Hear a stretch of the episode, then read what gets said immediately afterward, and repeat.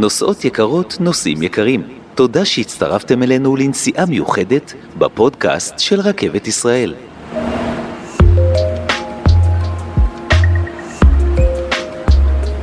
שלום ו-Welcome aboard לפודקאסט דיבור רכבת. אני שיר הדס מאיר ויחד נעביר את הנסיעה הקרובה. אתם מאמינים בצירופי מקרים? כי אני לגמרי חושבת שהכל מדויק ושהחיים יודעים להוביל אותנו בדיוק לאן שאנחנו צריכים להגיע. כמו הרכבת. אז בפרק היום נשמע כמה מצירופי המקרים הכי מטורפים שקרו ברכבת שלנו בשנים האחרונות, ואיך נסיעה שגרתית לעבודה יכולה לשנות לנו את החיים. אתם מכירים את הסרטים ההוליוודים האלה, שבחורה פזורת שיער עולה על רציף הרכבת, מן העבר השני עולה אלם חמודות עם פרחים בידו, ברקע מוזיקה דרמטית, מבטיהם מצטלבים, ומשם הדרך קצרה להתאהבות ונפילה אחת בזרועות השני? אז זה בערך מה שקרה לנטע ורונן, מינוס הפרחים והמוזיקה הרומנטית, אבל פלוס הכרוז של תחנת בת ים קוממיות בשבע בבוקר ושלוש דקות, ועם עוד כמה תלאות בדרך. נטע, הרכבת אה, הייתה חלק גדול באהבת חייך, נכון? וואי, ממש. ממש סיפור ו- אהבה, רכבת אל האהבה. ממש. בואי תספרי לי קצת, מה, מה קרה שם? זה יישמע קצת מצחיק, אבל אה, זה ממש כמו אה, בסדרות, בואי נגיד את זה ככה. אה, אני ובעלי היינו נוסעים באותה רכבת כל בוקר לעבודה. ואז הוא לא היה בעלך באותה תקופה.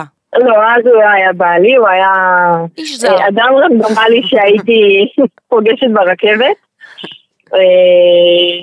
ופשוט הגיע למצב שביום הראשון שראיתי אותו, אה, העיניים שלי ממש נפתחו, בוא נגיד את זה ככה. אה, ואני גם זוכרת ששלחתי לחברה שלי הודעה, תקשיבי, בו יושב לידי בחור אה, שנראה ממש טוב, אה, או. ושם בעצם זה נגמר. היו הרבה מבטים אה, במשך תקופה ארוכה. רגע, כל יום היית רואה אה, אותו ברכבת? כן, כל יום הוא מסתכל עליי, אני מסתכלת עליו. איך עליתם על אותו קרון. כל הזמן? זה גם לא, זה לא בקרון, זה עוד לפני שהרכבת הגיעה, אה. היינו באותו רציף, ופשוט ככה היינו נפגשים, אז תמיד היינו מנסים כזה לעלות על אותו קרון, כדי שכאילו נמשיך ואולי פינטסטי שהוא יעשה משהו, אבל אה, אה, הוא ביישן מאוד. היית מתרגשת כל. יום שאת הולכת לראות אותו ברכבת? אני אספר לך משהו, אה, זה קצת יישמע קריפי. אני הייתי ברמה שהייתי מחכה באוטו בחנייה לראות את הרכב שלו מגיע, די. אה, כדי ללכת לידו או מלפניו או מאחוריו ולראות אולי יעשה משהו בזמן הזה, אבל הוא לא עשה שום דבר. אה, כן. אבל לפחות הספקת אותו. כן, אבל, אבל כן, כאילו, אתה יודע, זה קצת היה מצחיק, כי הפסקתי אותו נטו בגלל הטאג שם שלו, ובזכות הפייסבוק, שמה היינו עושים בלי הפייסבוק היום. אה, כתבת לו? אה, כתבת לו? כן, כתבתי לו, כתבתי לו, היי, זאת אה, נטע, אני הבחורה מהרכבת. אה, זה קצת יישמע קריפי וכאלה, אבל אה, כאילו, ראיתי את השם שלך על הטאג שם, ו... וככה הגעתי אליך. איך הוא הגיב? אז, אז הוא הגיב בצורה מאוד אה, מדליקה, אני חייבת לציין.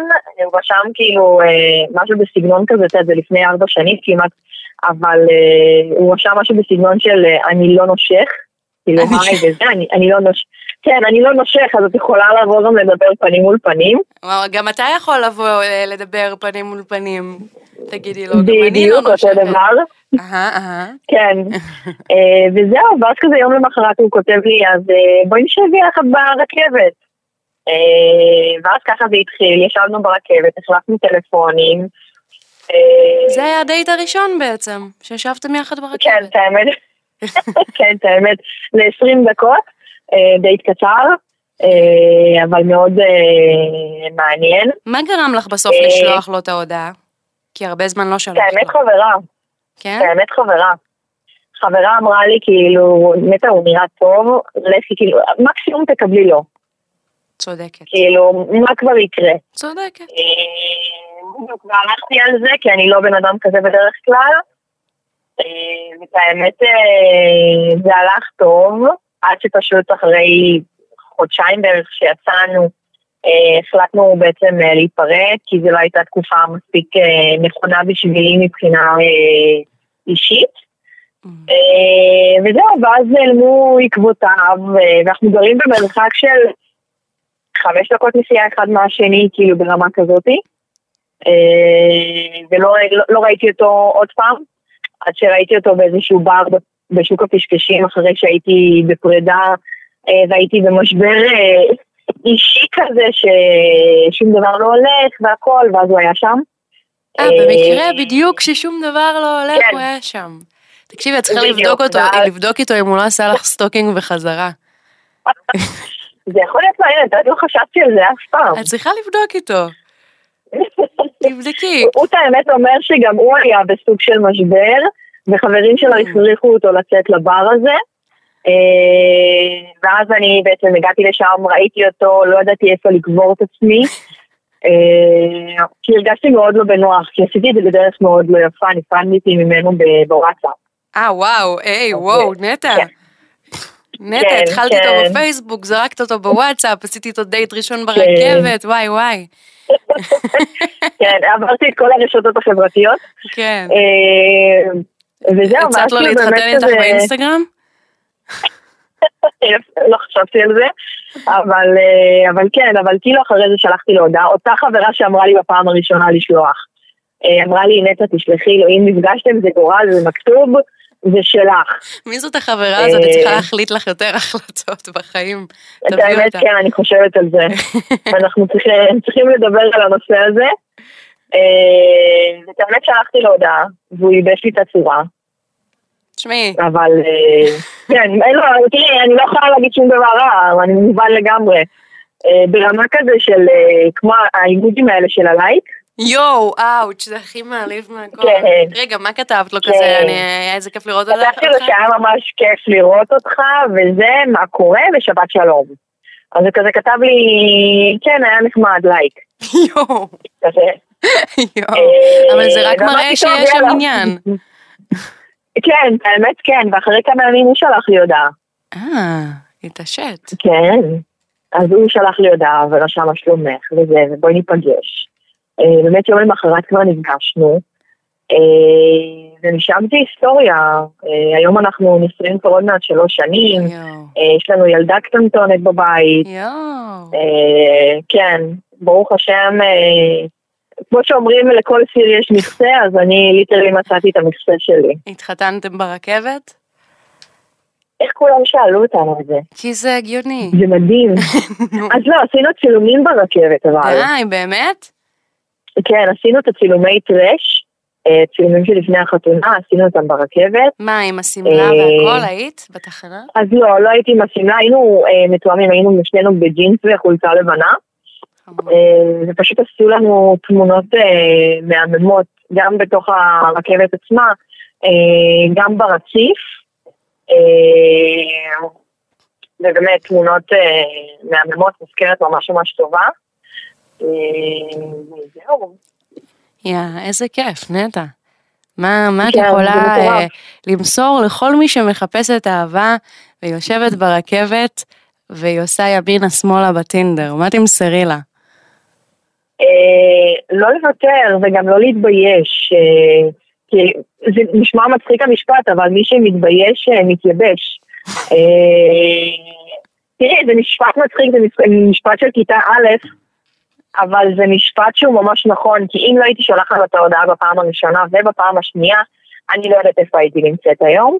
אה, ובסופו של דבר, אה, כאילו, בסופ... להאמין בעצמך, להאמין שאם אתה רוצה משהו, אתה תשיג אותו, גם אם זה נר בבחור, אה, או בבחורה, או כל דבר כזה או אחר. וזהו, פשוט להאמין, נטע, תודה רבה לך. כן. וחברים, דברו עם מי שמולכם ברכבת, מי יודע את מי תפגשו. טוב, אז יש לנו אה, סיפור אולי מטורף אפילו יותר. נער ונערה עולים לאותה הרכבת, שניהם לומדים באותה מכינה ויורדים באותה תחנה, ובשיחה מקרית הם מגלים משהו די מטורף. שלום, עומר, מה שלומך? שלום. מה, מה אה, העניינים?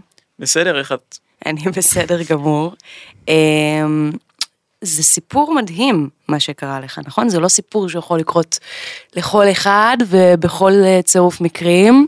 כן, אז זה באמת משהו, סיפור ממש מטורף. צירוף מקרים ממש, סיכויים קלושים. אז אני לא מגלה מה סוף הסיפור. בוא נתחיל מההתחלה. אתה עולה לרכבת, ואת מי אתה פוגש? אז בעצם אני פוגש את רונה, אנחנו ביחד נוסעים, אנחנו חלק מחבורה של בערך עשרה ילדים, שנוסעים ביחד מאותה תחנה לאוניברסיטת תל אביב, לומדים באותה מכינה. אוקיי, ורונה, הכרת אותה לפני? לא, לא היה לי מושג מי, היא גרה ממש חמש דקות ממני, אבל אין לי מושג מי.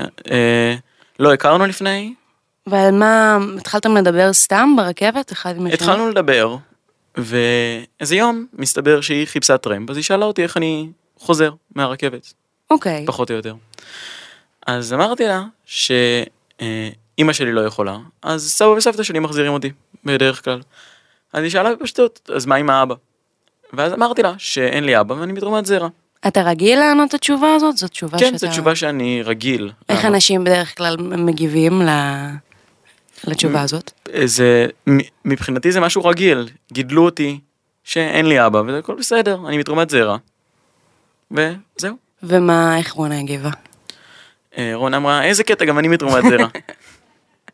בטח הופתעת שענו לך את התשובה הזאת. כן, זה לא קורה הרבה. אבל- לא? פעם אמרו לך את זה? פעם מצאת... לא, לא קורה הרבה. אוקיי, אז זה כבר צירוף מקרים ראשון. כן, אבל זה לא הדבר המטורף פה. זה לא הדבר, לא הדבר המטורף, בכלל לא. אז המשכתם לדבר. אז המשכנו לדבר. אוקיי. ואז אה, אה, היא שאלה אותי אה, מה הפרטים של התורם.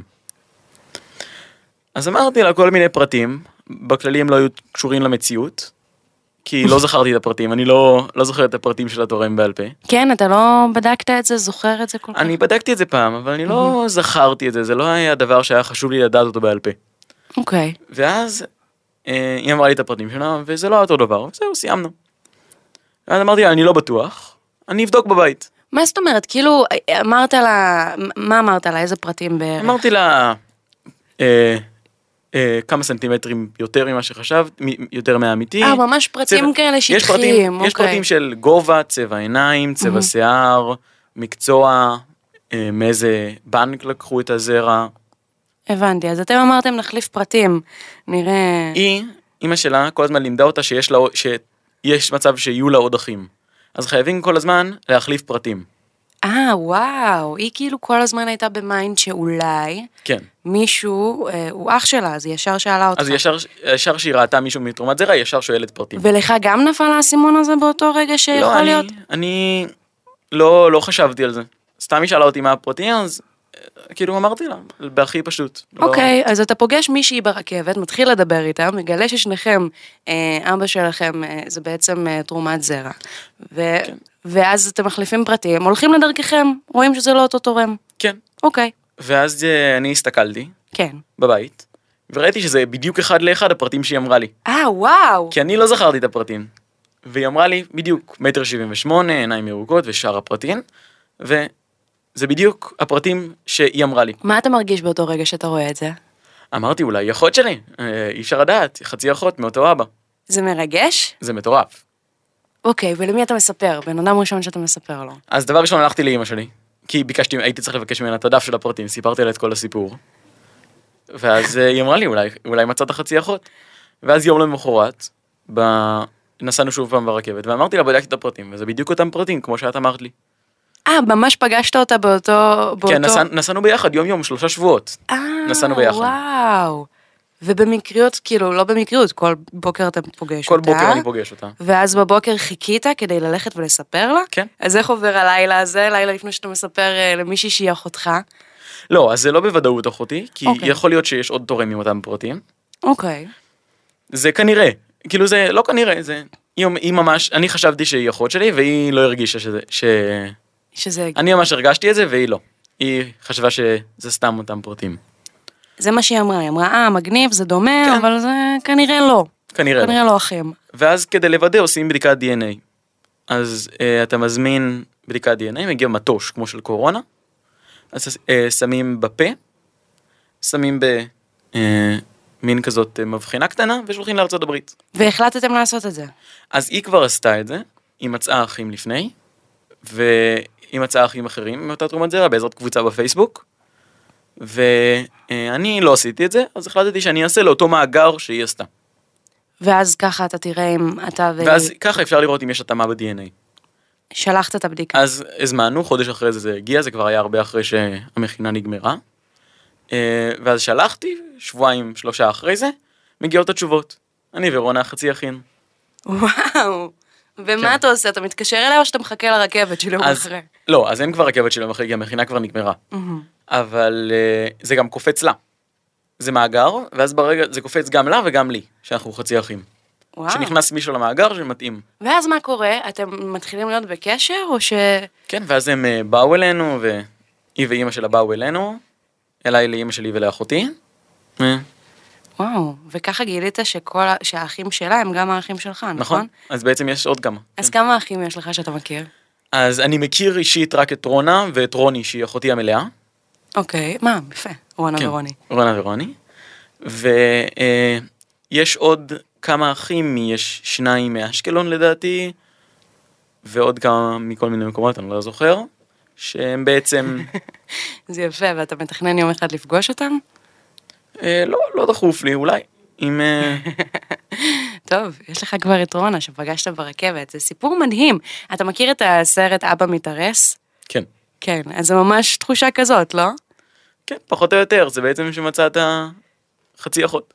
פתאום אה, גיליתם שאתם ביחד. יש ביניכם קווי דמיון? אז אה, אה, קווי דמיון. אה, בינה לבין אחותי הקטנה, רוני, יש הרבה קווי דמיון, הן שתיהן אה, רוקדות, הן שתיהן, אה, אה, גם אני וגם רונה, אה, במחוננים, דברים כאלה של, אה, זה, שנינו הלכנו לתוכנית של אוניברסיטה, כבר בכיתה ט'. אה, דברים כאלה, יש כמה קווי דמיון, אבל לא, מבחינת נראות לא, ממש לא. מבחינת נראות לא. אז עכשיו, כל פעם כשאתה עולה לרכבת, נראה לי שאתה תתחיל לפתוח יותר שיחות עם אנשים. לא, אז זה לא ממש היה שיחה סתמית. כן. כאילו, דיברנו לפני זה, דיברנו לפני השיחה הזאת. כאילו, ידעתי שהיא רונה ידעה שאני עומר, דיברנו לפני זה. כן, אבל לא חשבת לשאול אותה. לא אם חשבתי לשאול אותה על דברים ועכשיו זו שאלה שעולה יותר, עכשיו, אם אני- אראה מישהו מתרומת זרע, יש סיכוי טוב שאני אשאל אותו את הפרטים שלו. אתה תתחיל לעשות כמו שרונה עשתה בהתחלה, תתחיל לחפש כן. אחים בזמן ה... וואו, מדהים, כן. בכל שיחה. וכשיהיה לך דייטים רומנטיים, אז צריך, עקרונית, זה הם, יכול להיות שהם אחים, אז זה חשוב מאוד לבדוק. אם, מתרומה, אם היא מתרומת זרע, אם אבא שלה תרם זרע, כי אולי... זה באיזה יכול להיות- שלב של הדייט אתה עושה את זה? תעשה את זה. לדעתי בשלב מתקדם. אני לא... כן? כן. ו... אה, אוקיי, אז אולי כדאי בהתחלה, לא? כדי שלא תתבאס. פתאום היא אחותך. כן, לשאול מתרומת זרע אפשר בהתחלה, אבל אה, אם אבא שלה תרם זרע זה כבר יותר... אה, כן, זה, אתה תנסח את השאלה איך שאתה רוצה, עומר, אבל uh, מדהים. אז טוב, אני, הצירוף מקרים הזה הוא, הוא מרגש, ואני שמחה כל כך שמצאת את רונה ושהיא מצאה אותך. כן. ואני מקווה שיהיה לכם uh, המשך קשר מדהים. Um, ותודה רבה לך. תודה לך. ועכשיו איתנו, אחרי ששמענו את הסיפור המטורף של עומר, חגית, אימא של עומר, מה שלומך? נעים מאוד, בסדר גמור. תגידי לי, איך הרגשת כשהוא חוזר הביתה ואומר לך, כנראה יש לי חצי אחות? האמת היא תחושה ממש מצחיקה, מרגשת. אה, הוא פשוט חזר כמה ימים לפני זה וסיפר שהוא הכיר מישהי שהיא גם מתרומת זרע, שגרה בתל מונד. אה, שזה קרוב אליכם. זה. ממש קרוב, זה מושב ליד מושב, אנחנו אמנם. לא אותה מועצה, אז הילדים לא לומדים באותו בית ספר, כאילו אצלנו לומדים אה, בבית ספר אחד, ובתל מונד זה- יש להם את הבית ספר שלהם, אז בגלל זה הקשר, כאילו אחרת הם היו יכולים גם להיות באותו בית ספר, וואו. שזה בכלל מדהים. ופשוט הילד בא הביתה ואומר לי, את זוכרת, זאת שסיפרתי לך עליה אתמול, היא חצי אחות שלי. אני אומרת לו, מה זאת אומרת? הוא אומר, אמא תביאי, אני רוצה לראות את הנתונים. עוד הפעם של התורם זרע, את מקבלת כמה נתונים, ממש שורה פשוטה. אה, ואנחנו מסתכלים, וזה אותו דבר. ומה את חושבת? את חושבת שהיא חצי אחות או שאת לא בטוחה? האמת היא שבגלל שזה באמת היה באותו בנק הזרע, ואותם הנתונים, הסיכוי הוא באמת קלוש שזה לא יהיה, שזה לא יהיה באמת חצי אחים. אה, וזה באמת סיפור שאנחנו יודעים אותו שנים, שאפשר לעשות את הבדיקת DNA הזאת. אני מודה שהשארתי את זה לילדים, אם בא להם או לא בא להם. אה, לא אמרת להם לבדוק? לא, אני יודעת על זה המון המון המון שנים, מאז שהילדים היו קטנים, לא ראיתי לנכון איזשהו צורך שילד בן חמש או שש כאילו יגלה את החצי אחים שלו. ולמה אנשים כן בודקים? אה, אני חושבת שזה מאוד מאוד חשוב שאנשים, שהילדים האלה יעשו בדיקות כדי שהם לא יפגשו מישהו שהוא חצי אח או חצי אחות ויתחתנו. וסטטיסטית, כאילו, יתאהבו. מה הסיכוי? נניח התורם זרע ש... שאת השתמשת בתרומה שלו, מה, כמה ילדים יש לו בערך? אנחנו יודעים על שבעה ילדים. אה, אני מכירה כאלה שיש גם הרבה יותר, כאילו הם תורמים זרע ומה שנקלט נקלט, כאילו אי אפשר לדעת. זאת אומרת, רק מי שעשה את הבדיקת DNA הספציפית הזאת באותו כן. מאגר, אז הוא יכול לדעת בעצם זה בדיקת DNA שעושים, שהולכים אותה לארצות הברית ומוצאים קרובי משפחה. ואיכשהו אתם גם uh, קרובים ביישובים, מדהים. וגם uh, יש להם את אותם תחומי עניין. מטורף, ממש. כאילו, זה כנראה איזשהו קשר, כנראה זה לא סתם uh, קרה, לא יעזור. כנראה שהם חצי אחים, והם התחברו, משהו שם מיסטי כן קרה וקרב אותם. להתחיל לדבר אחד עם השני ולא עם, ולא עם ילדים אחרים, ובאמת גם לדבר על הנושא הזה שהוא כן. שהוא ממש ממש מצחיק. זה נשמע שפחות מעניין אותו כרגע הדייטים הרומנטיים, אבל מה, כאילו, כשהוא יהיה גדול הוא יצטרך אה, לבדוק? אין, אה, זה ברור, כאילו, יש לו גם אחות בת 13, זה ברור להם שלפני שהם יתחתנו, הם יכירו מישהו רציני, אין ברירה, חייבים לעשות בדיקות דנ"א בשביל לראות שזה לא חצי אח, כאילו אין, אה, אני מקווה שהם לא יתאהבו בחצי אח או אחות שלהם ויצטרכו להיפרד. ואז אנחנו נצטרך להמשיך פה את הראיון. כן, כן, כן, לגמרי. המשך הסיפור. אני מקווה שלא ניפגש עוד כמה שנים לדבר כזה, אבל כן, אין, אין, אין מה להגיד. אבל... זה חלק מהמציאות בזה שזאת הייתה הבחירה שלי. אבל בכל זאת יצאו ילדים אה, חמודים, די, די חמודים. חגי, תודה רבה לך. בסדר, בכיף, תודה רבה. ואנחנו עם הפינה הקבועה שלנו, בה נלמד בכל פרק משהו חדש של הרכבת שלנו. והפעם, ברוח צירופי המקרים והמפגשים, לא רק אחים ובני זוג פוטנציאליים אפשר למצוא ברכבת, מסתבר. רכבת ישראל מסיעה מדי שנה עשרות מיליוני נוסעים אל כ-70 תחנות. ביניהם, יש גם נוסעים שכולנו מכירים, למשל, קבוצת מכבי תל אביב בכדורסל, שמדי פעם משתמשת ברכבת לנסיעות על משחקי חוץ בצפון. אל תופתעו אם פתאום תיתקלו באחד הקרונות בזמר עומר אדם, שמרבה להשתמש בשירותי הרכבת כדי להגיע לצילומים והופעות. גם רותם סלע ואסי עזר היו נוסעים קבועים ברכבת בזמן צילומי העונה של נינג'ה ישראל שהתקיימה בנמל חיפה. לאחרונה גם נבחרת הרקדניות הישראלית שזכתה באליפות העולם, חזרה הביתה לחיפה באמצעות הרכבת, וקיבלה קבלת פנים מרגשת. ולא רק היום, אם נצלול קצת אחורה במנהרת הזמן, נמצא צילומים היסטוריים של דוד בן גוריון, ווינסטון צ'רצ'יל, קיסר אתיופיה, היילה סילאסי ועוד, נוסעים ברכבת בדרך לענייניהם הדחופים, או פשוט הביתה. אנחנו סיימנו להפעם, תודה גדולה לכם הנוסעים והמאזינים שהייתם איתנו, מזמינה אתכם להצטרף אלינו גם לפרק הבא. בינתיים אתם יכולים להאזין לנו בספוטיפיי ובאפליקציות הפודקאסטים המוכרות. תודה, עד הפעם הבאה. הוקלט באולפני אדיו, המשווקת את ספוטיפיי בישראל.